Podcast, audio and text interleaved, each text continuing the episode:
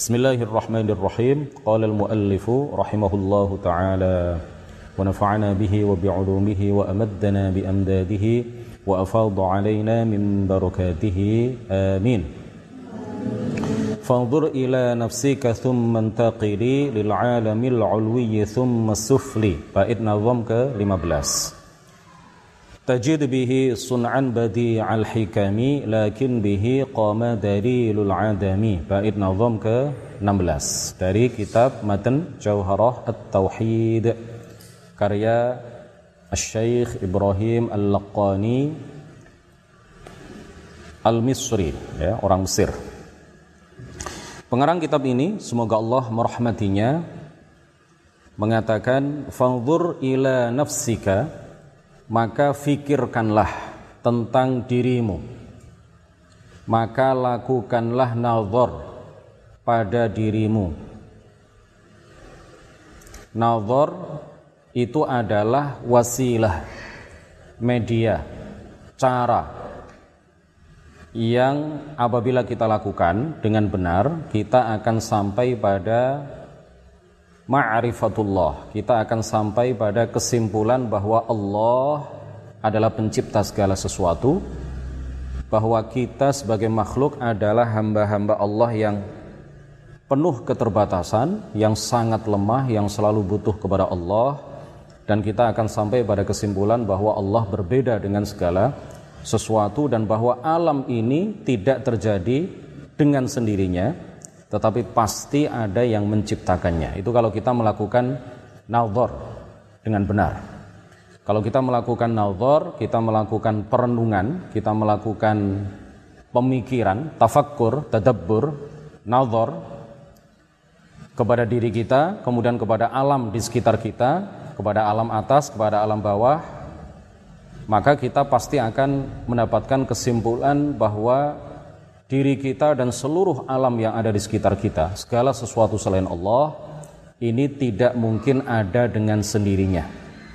Tidak mungkin berubah dari satu keadaan ke keadaan yang lain dengan sendirinya. Kita pasti setelah melakukan nazar, setelah melakukan perenungan, akan sampai pada kesimpulan alam ini awalnya tidak ada, kemudian menjadi ada Pasti ada yang menciptakannya dari tiada menjadi ada. Pasti ada yang mengubahnya dari satu keadaan ke keadaan yang berikutnya, ke keadaan yang lainnya. Fanzur ila nafsika, maka lakukanlah nazar. Maka lakukanlah perenungan. Berfikirlah ila nafsika tentang dirimu atau pada dirimu.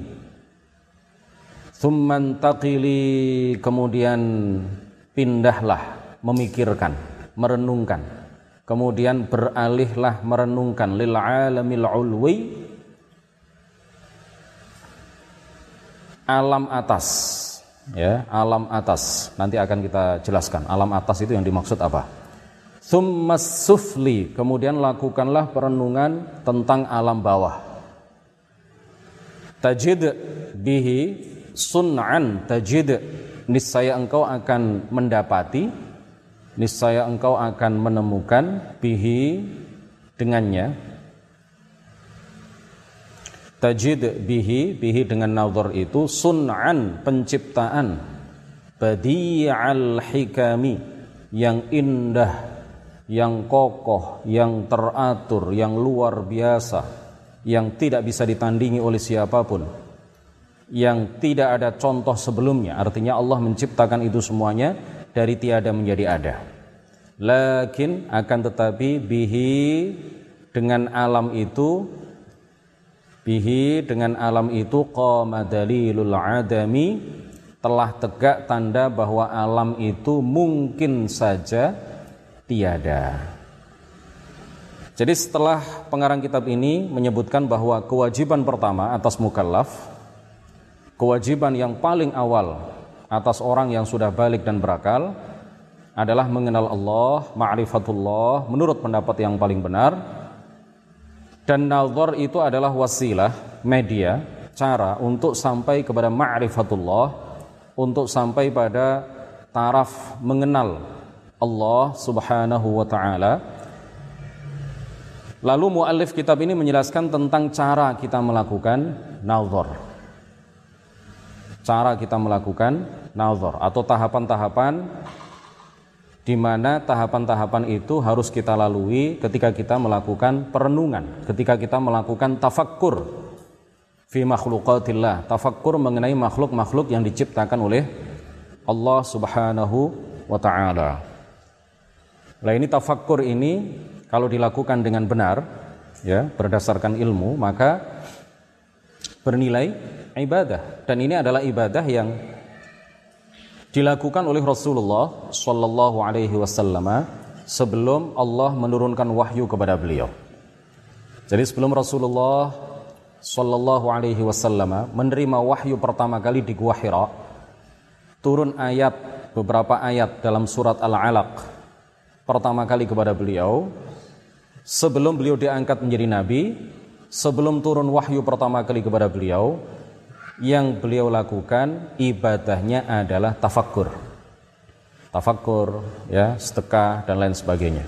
Tafakkur, merenungkan diri, merenungkan alam sekitar, merenungkan makhluk Allah, melakukan tafakkur, berpikir, merenungkan apa yang Allah ciptakan dengan itu, maka kita akan sampai pada kesimpulan bahwa Allah adalah pencipta segala sesuatu, bahwa alam ini tidak mungkin ada dengan sendirinya. Nah, tahapan-tahapan nazar, tahapan-tahapan tafakkur, tadabbur yang disampaikan oleh Syekh Ibrahim Al-Laqani di dalam kitab Jauharuddin Tauhid, ini ada tiga di sini, ada tiga. Yang pertama adalah nazar, atau memikirkan dan merenungkan tentang diri sendiri. Kita merenungkan tentang diri kita sendiri.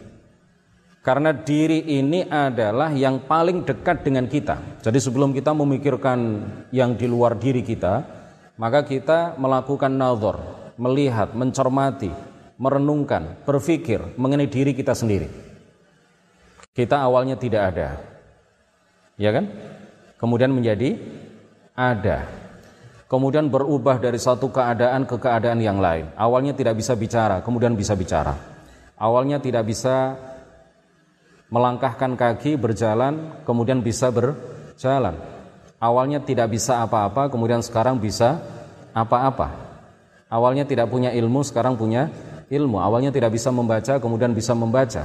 Awalnya minta makan disuapi, sekarang makan sendiri, bisa menyuapi orang lain. Bisa suap-suapan. Dulu awalnya nggak bisa menyuapi, kita hanya bisa disuapi oleh ibu kita, oleh orang yang mengasuh kita sewaktu kita bayi. Kita tidak berdaya. Kemudian kita berkembang, tumbuh, menjadi seperti sekarang, kemudian pada akhirnya nanti kita menjadi tiada, kita akan semuanya akan mengalami kematian. Kita memikirkan perkembangan diri kita ini. Kita tidak mungkin ada dengan sendirinya. Yang menciptakan kita tentu bukan orang tua kita. Yang menciptakan kita tentu bukanlah ibu kita. Kalau seandainya orang tua kita bisa menciptakan kita, maka pasti kita ini sesuai dengan keinginan ibu kita, keinginan ayah kita. Kita ganteng semuanya, cantik semuanya hidungnya mancung semuanya, giginya rapi semuanya. Karena orang tua bisa menciptakan kita. Seandainya itu terjadi, maka pasti kita akan seperti apa yang diingin, diinginkan oleh kedua orang tua kita. Kenyataannya kita tidak seperti apa yang diinginkan oleh kedua orang tua kita. Seringkali kedua orang tua ingin menginginkan anaknya lahir dalam keadaan berjenis kelamin laki-laki, tetapi yang keluar adalah apa? Yang lahir adalah jenis kelaminnya berbeda dengan apa yang dia inginkan.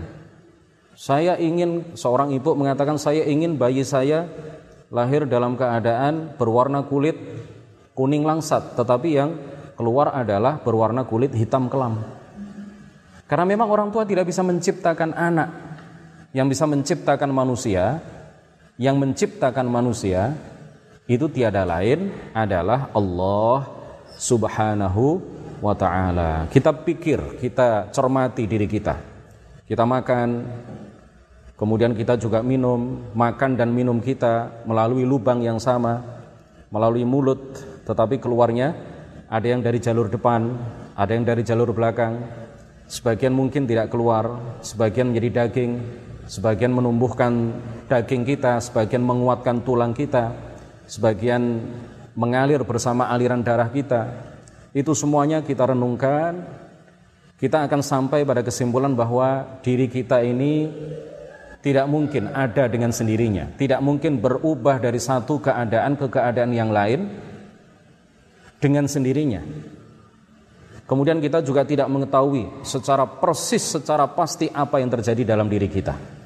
Makanan dan minuman itu cara pengolahan organ-organ yang ada di dalam perut kita, di dalam dada kita, di dalam e, bagian dalam tubuh kita, kita nggak tahu. Cara kerjanya secara pasti itu seperti apa. Itu semuanya membuktikan dan akan sampai pada satu titik kesimpulan bahwa kita ini makhluk yang lemah, kita pasti ada yang menciptakan, kita tidak mungkin berubah dengan sendirinya, kita pasti ada yang mengubah, dan yang mengubah kita, yang menciptakan kita, yang menumbuh kembangkan kita dari satu keadaan ke keadaan berikutnya, tiada lain adalah Allah Subhanahu wa Ta'ala, dan kita tidak tahu hakikatnya. Diri kita saja, terkait dengan diri kita saja, kita tidak tahu hakikatnya seperti apa apa yang terjadi dalam bagian dalam di tubuh kita, paru-paru kita, cara kerjanya seperti apa secara pasti.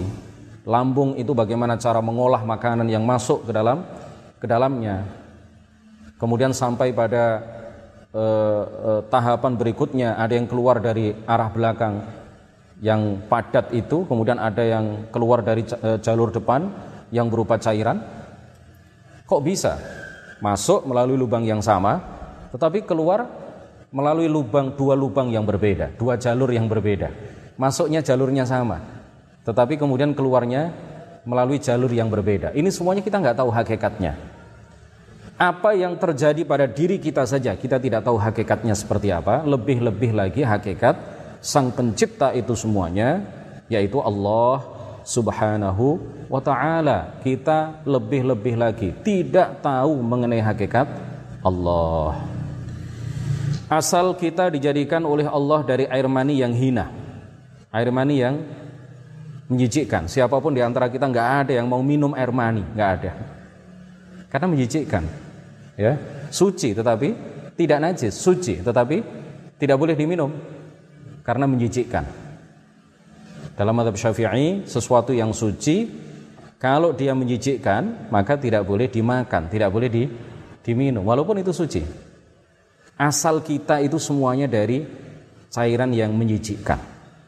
Oleh karena itu kalau kita merenungkan seperti itu, maka kita akan berpikir kalau asal kita adalah dari sesuatu yang menyijikkan seperti itu, kenapa kita menyombongkan diri?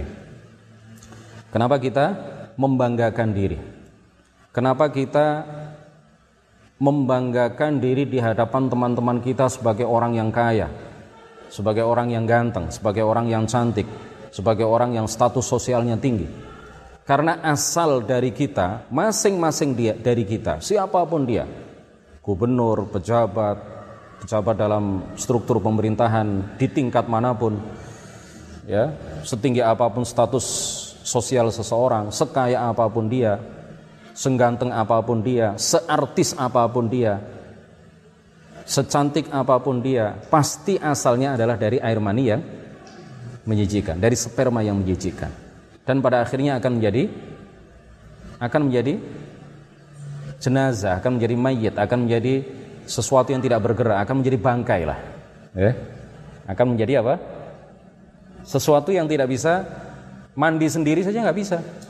Berpindah dari satu tempat ke tempat yang lain dengan sendiri tidak bisa. Jadi kita ini serba terbatas, kita serba lemah, yang maha kuasa hanya Allah, kita ini makhluk yang diciptakan oleh Allah Subhanahu wa taala.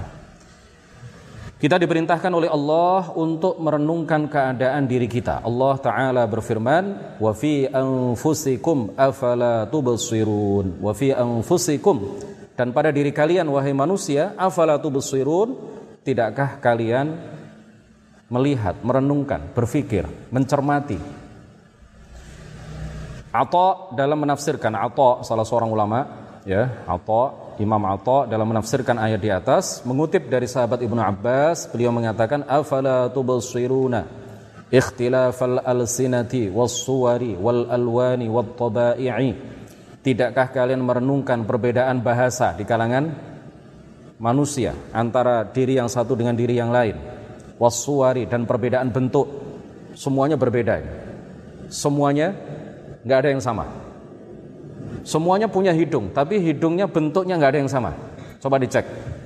Bandingkan antara hidung kamu dengan hidung kamu. Nggak ada yang sama. Luar biasa. Antara satu saudara dengan saudara yang lain, bentuk matanya nggak sama.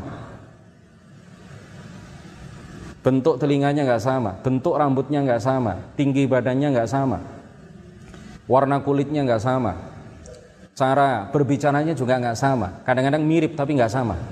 Antara satu orang dengan orang yang lain cara bicaranya berbeda-beda bahasanya berbeda-beda. Bahasa di dunia ini berapa kita nggak tahu ya? Kita nggak tahu berapa ribu bahasa di dunia. Masing-masing berkomunikasi dengan yang lain dengan bahasa di daerahnya masing-masing yang berbeda dengan bahasa yang dipakai oleh masyarakat di komunitas yang lain di daerah yang lain Masya Allah luar biasa ini semua tentu tidak ada dengan sendirinya. Ini pasti ada yang menciptakan ini. Pasti ada yang pasti ada yang menciptakan. Bahasa daerah di Indonesia konon itu 500 bahasa, bahkan lebih. 500 sampai lebih dari itu. Di Jawa saja ada bahasa apa? Ada bahasa Jawa, ada bahasa Betawi. Di di apa namanya? di Pulau Jawa. Ada bahasa Betawi, ada bahasa Sunda, ada bahasa Jawa, ada bahasa apa lagi? Bahasa Osing di Banyuwangi, ada bahasa Madura. Ada bahasa Madura di Sumeneb, di Pasuruan banyak orang yang berbicara dengan bahasa Madura. Bahasa Jawanya Jawa Timur dengan bahasa Jawa Tegal sudah beda, ngapak. Di sana ngapak, di sini tidak begitu ngapak atau di sini halus. Misalkan Mojokerto agak halus, Surabaya bahasanya kasar Padahal orangnya sama-sama manusia. Padahal makhluknya itu jenisnya sama, yaitu sama-sama manu, manusia. Siapa yang menciptakan itu semuanya dalam keadaan masing-masing seperti itu? Bahasanya beda, bentuknya beda, warna kulitnya beda, tabiatnya juga berbeda-beda. Ini pasti semuanya tidak ada dengan sendirinya. Semuanya pasti ada yang menciptakan. Kita tahu yang menciptakan itu semuanya berdasarkan kabar dan informasi dari baginda Rasulullah sallallahu alaihi wasallam adalah Allah Subhanahu wa taala. Kemudian setelah kita melakukan nazar pada keadaan diri kita, diri kita sendiri, kita beralih melakukan nazar, melakukan tafakkur, perenungan pada keadaan alam atas dan apa yang ada di sana. Alam adalah segala sesuatu selain Allah. Segala sesuatu selain Allah itu disebut apa? alam atau disebut makh makhluk. Alam atas itu adalah apa-apa yang ada di atas. Seperti apa? Awan, matahari, bulan, bintang, langit, kursi. Ada makhluk besar di atas langit yang ketujuh namanya apa? Kur kursi. Kemudian ada surga, di atas langit yang ketujuh ada surga. Kemudian di atas surga ada arash. Kemudian di sekitar arash ada malaikat-malaikat yang jumlahnya luar biasa banyak, tidak ada yang mengetahui jumlah mereka secara pasti kecuali hanya Allah. Langit itu juga penuh sesak dengan malaikat. Para malaikat itu tempat tinggalnya adalah arah atas. Langit ya, seputar arash. Ada malaikat-malaikat yang ditugaskan oleh Allah untuk membawa arash. Langit itu tidak ada jarak sedikit pun antara malaikat yang satu dengan malaikat yang lain. Nggak ada jarak sedikit pun. Ma fis sama'i mawdi'u arba'i asabi'a illa wa fihi malakun qa'imun aw raki'un aw sajidun ila yaumil qiyamah. Tidak ada jarak, jarak empat jari. Tidak ada jarak empat jari kecuali di dalamnya ada malaikat. Artinya apa? Di langit itu nggak ada jarak sama sekali antara satu malaikat dengan malaikat yang lain. Penuh sesak dengan malah malaikat. Kita renungkan langit, bintang, matahari, ya, bagaimana ketiganya, bagaimana bintang dan matahari serta bulan itu terbit dan tenggelam. bulan, bintang dan matahari terbit ya, awalnya tidak kelihatan oleh mata kita, kemudian kelihatan oleh mata kita. Kemudian setelah itu tenggelam, tidak kelihatan lagi oleh mata kita, terus bergerak begitu. Pada garis edarnya dengan sangat teratur, tidak pernah bertabrakan antara bulan dengan bintang, antara bulan dengan matahari, antara matahari dengan bumi. Semuanya sesuai dengan garis edarnya, teratur, kita renungkan betapa banyak bintang dengan berbagai bentuk dan warnanya. Kita renungkan bagaimana langit berada di ketinggian sana tanpa disangga dengan tiang, tanpa ada tiang penyangganya, tanpa ada tali yang mengangkatnya dari atas. Gak ada tiangnya, gak ada tali yang mengangkatnya dari atas. Itu gak mungkin ada dengan sendirinya. Pasti ada yang menetapkan langit itu di arah atas sana sehingga kemudian tidak jatuh ke muka bumi. Setelah kita kita nazar pada diri sendiri, kemudian kita nazar pada alam atas. Lalu kita beralih untuk melakukan nazar pada alam bawah. Alam bawah itu adalah di antaranya apa? Bumi dan segala segala apa yang ada di bumi, sungai, laut, gunung, pepohonan, barang tambang, barang tambang yang ada di dalam perut bumi, ya. Macam-macam ada ada apa? Ada emas ada nikel ada batu bara ada macam-macam Allah menjadikan bumi sebagai tempat tinggal kita dengan berbagai fasilitas luar biasa yang disediakan. Bumi ini luar biasa. Fasilitasnya juga luar biasa. Ada udara yang kita hirup sehingga kita bisa bernafas. Kita masukkan kemudian kita keluarkan sehingga kita bisa Eh, memasukkan oksigen ke paru-paru kita, kemudian kita keluarkan. Kemudian air yang ada di perut bumi seakan-akan tidak pernah habis sampai sekarang, ya. Dipakai mandi, dipakai apa pun, cuci mobil, cuci motor, cuci rumah, ngepel uh, lantai, diminum, dibuat uh, wudhu, dibuat segala macam. Dari dulu sampai sekarang air tidak pernah habis persediaannya luar biasa. Pepohonan dan tumbuhan yang bermacam-macam bentuk, warna, rasa dan baunya.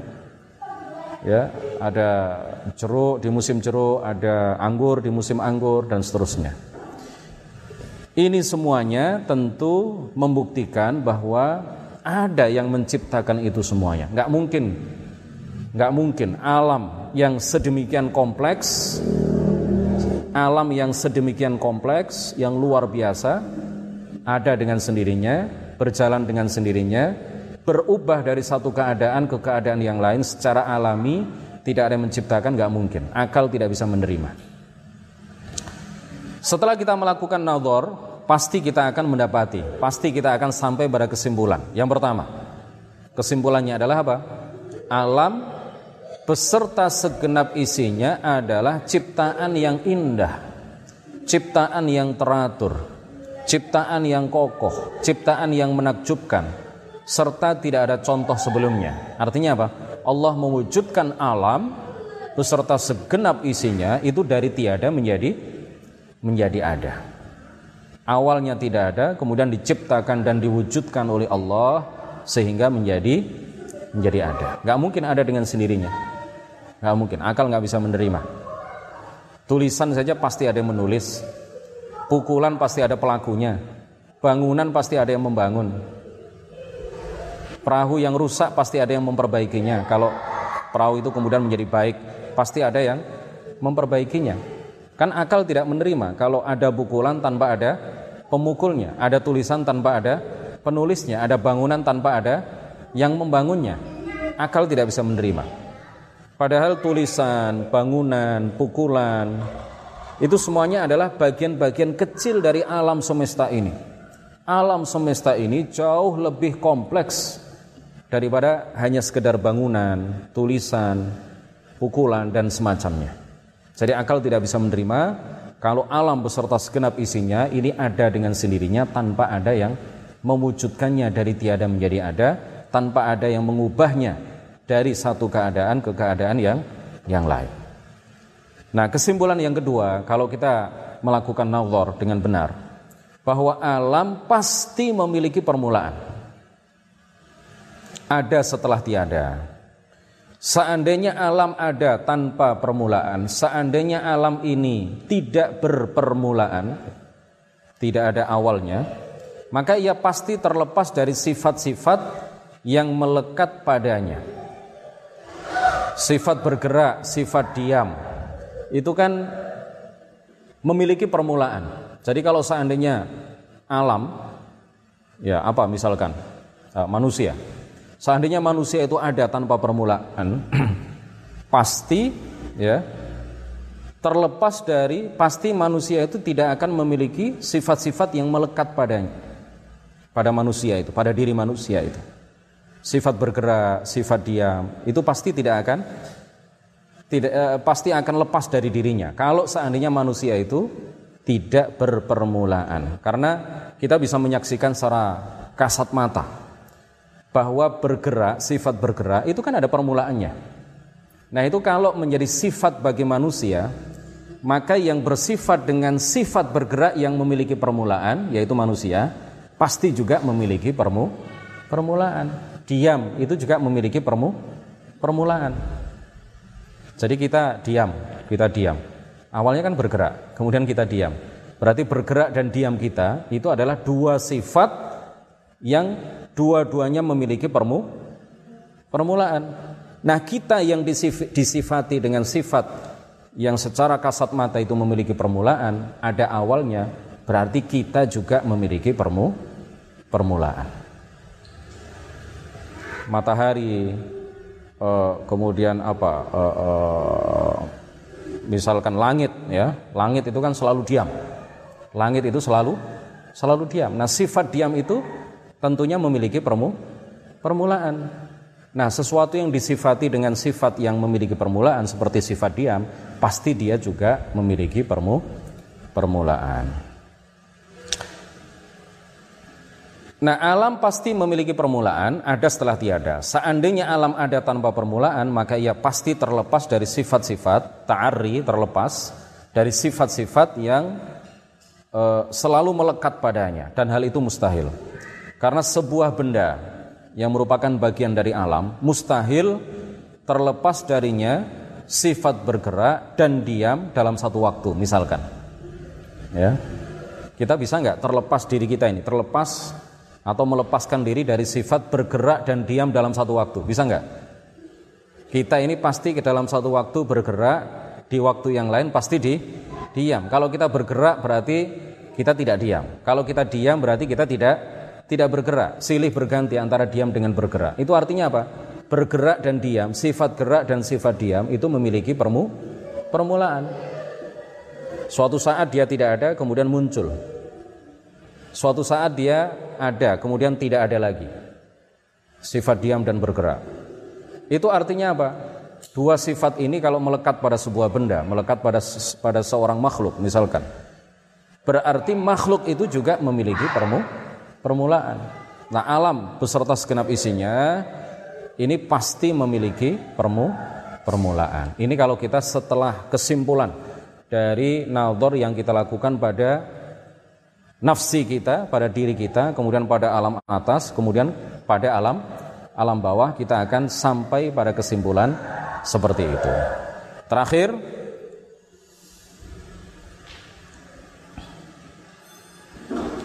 Sebuah faidah dikatakan kalau dikatakan dalam bahasa Arab abda'al asya'a. Abda'al asya'a. Artinya adalah ya Allah kalau dikatakan Allah abda'al asya. Itu artinya bahwa Allah mewujudkan sesuatu dari tiada menjadi menjadi ada. Maka berarti dia adalah mubdi' ya.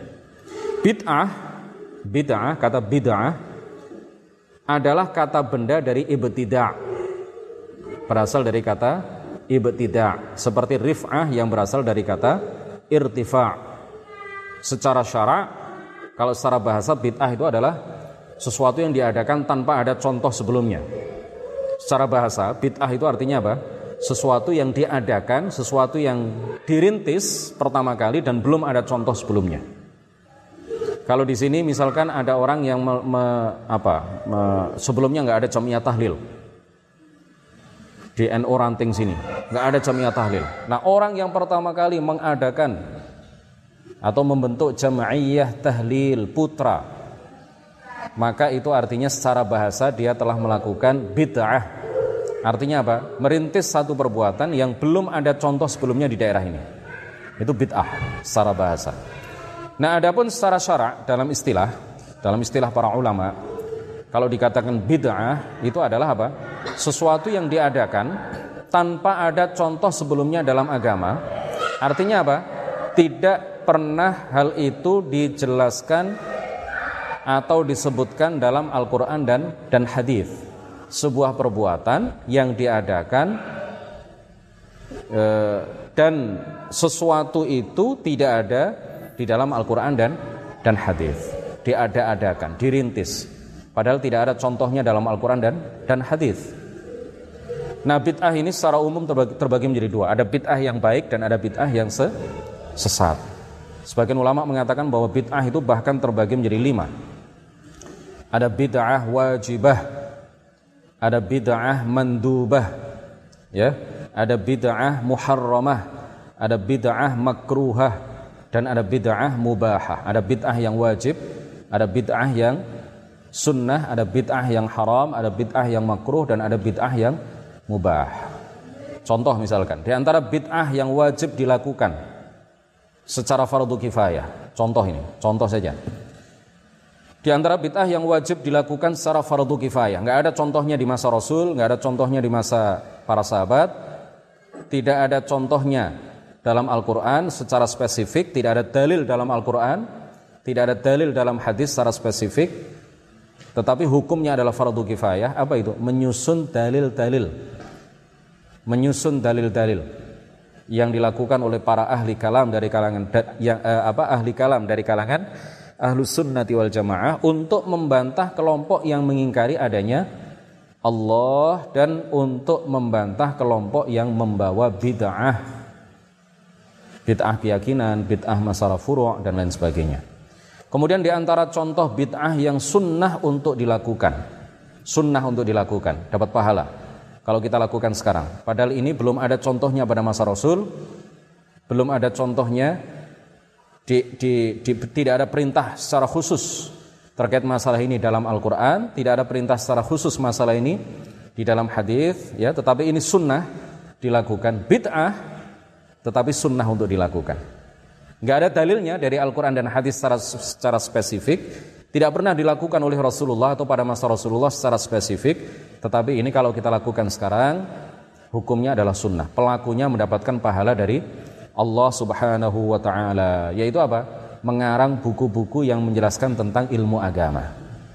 Tentu yang mengarang ini harus punya kualifikasi. Harus punya kemampuan ya, bukan sembarang orang. Kemudian juga mendirikan lembaga. Mendirikan madrasah, mendirikan pondok pesantren, mendirikan TPQ, untuk ya, atau dengan tujuan untuk mengajarkan ilmu ahli sunnati wal jamaah. Nah ini sunnah ini. Mendirikan majelis-majelis taklim untuk mengajarkan dan menyebarluaskan ilmu ahli sunnati wal jamaah. Karena dengan media majelis taklim, dengan wasilah pondok pesantren, dengan wasilah TPG, dengan wasilah lembaga pendidikan keislaman, ilmu ahlu sunnah dapat tersebar ke berbagai kalangan. Demikian kajian kitab Matan Jauharah At-Tauhid pada malam hari ini mudah-mudahan manfaat dan barokah. Subhanakallahumma wa bihamdik asyhadu an la ilaha illa anta astaghfiruka wa atubu ilaik. La ilaha illallah. Allahumma salli ala sayyidina Muhammad وعلى آله وصحبه وسلم. ربي اغفر لي ولوالدي وللمؤمنين والمؤمنات. والسلام عليكم ورحمة الله وبركاته.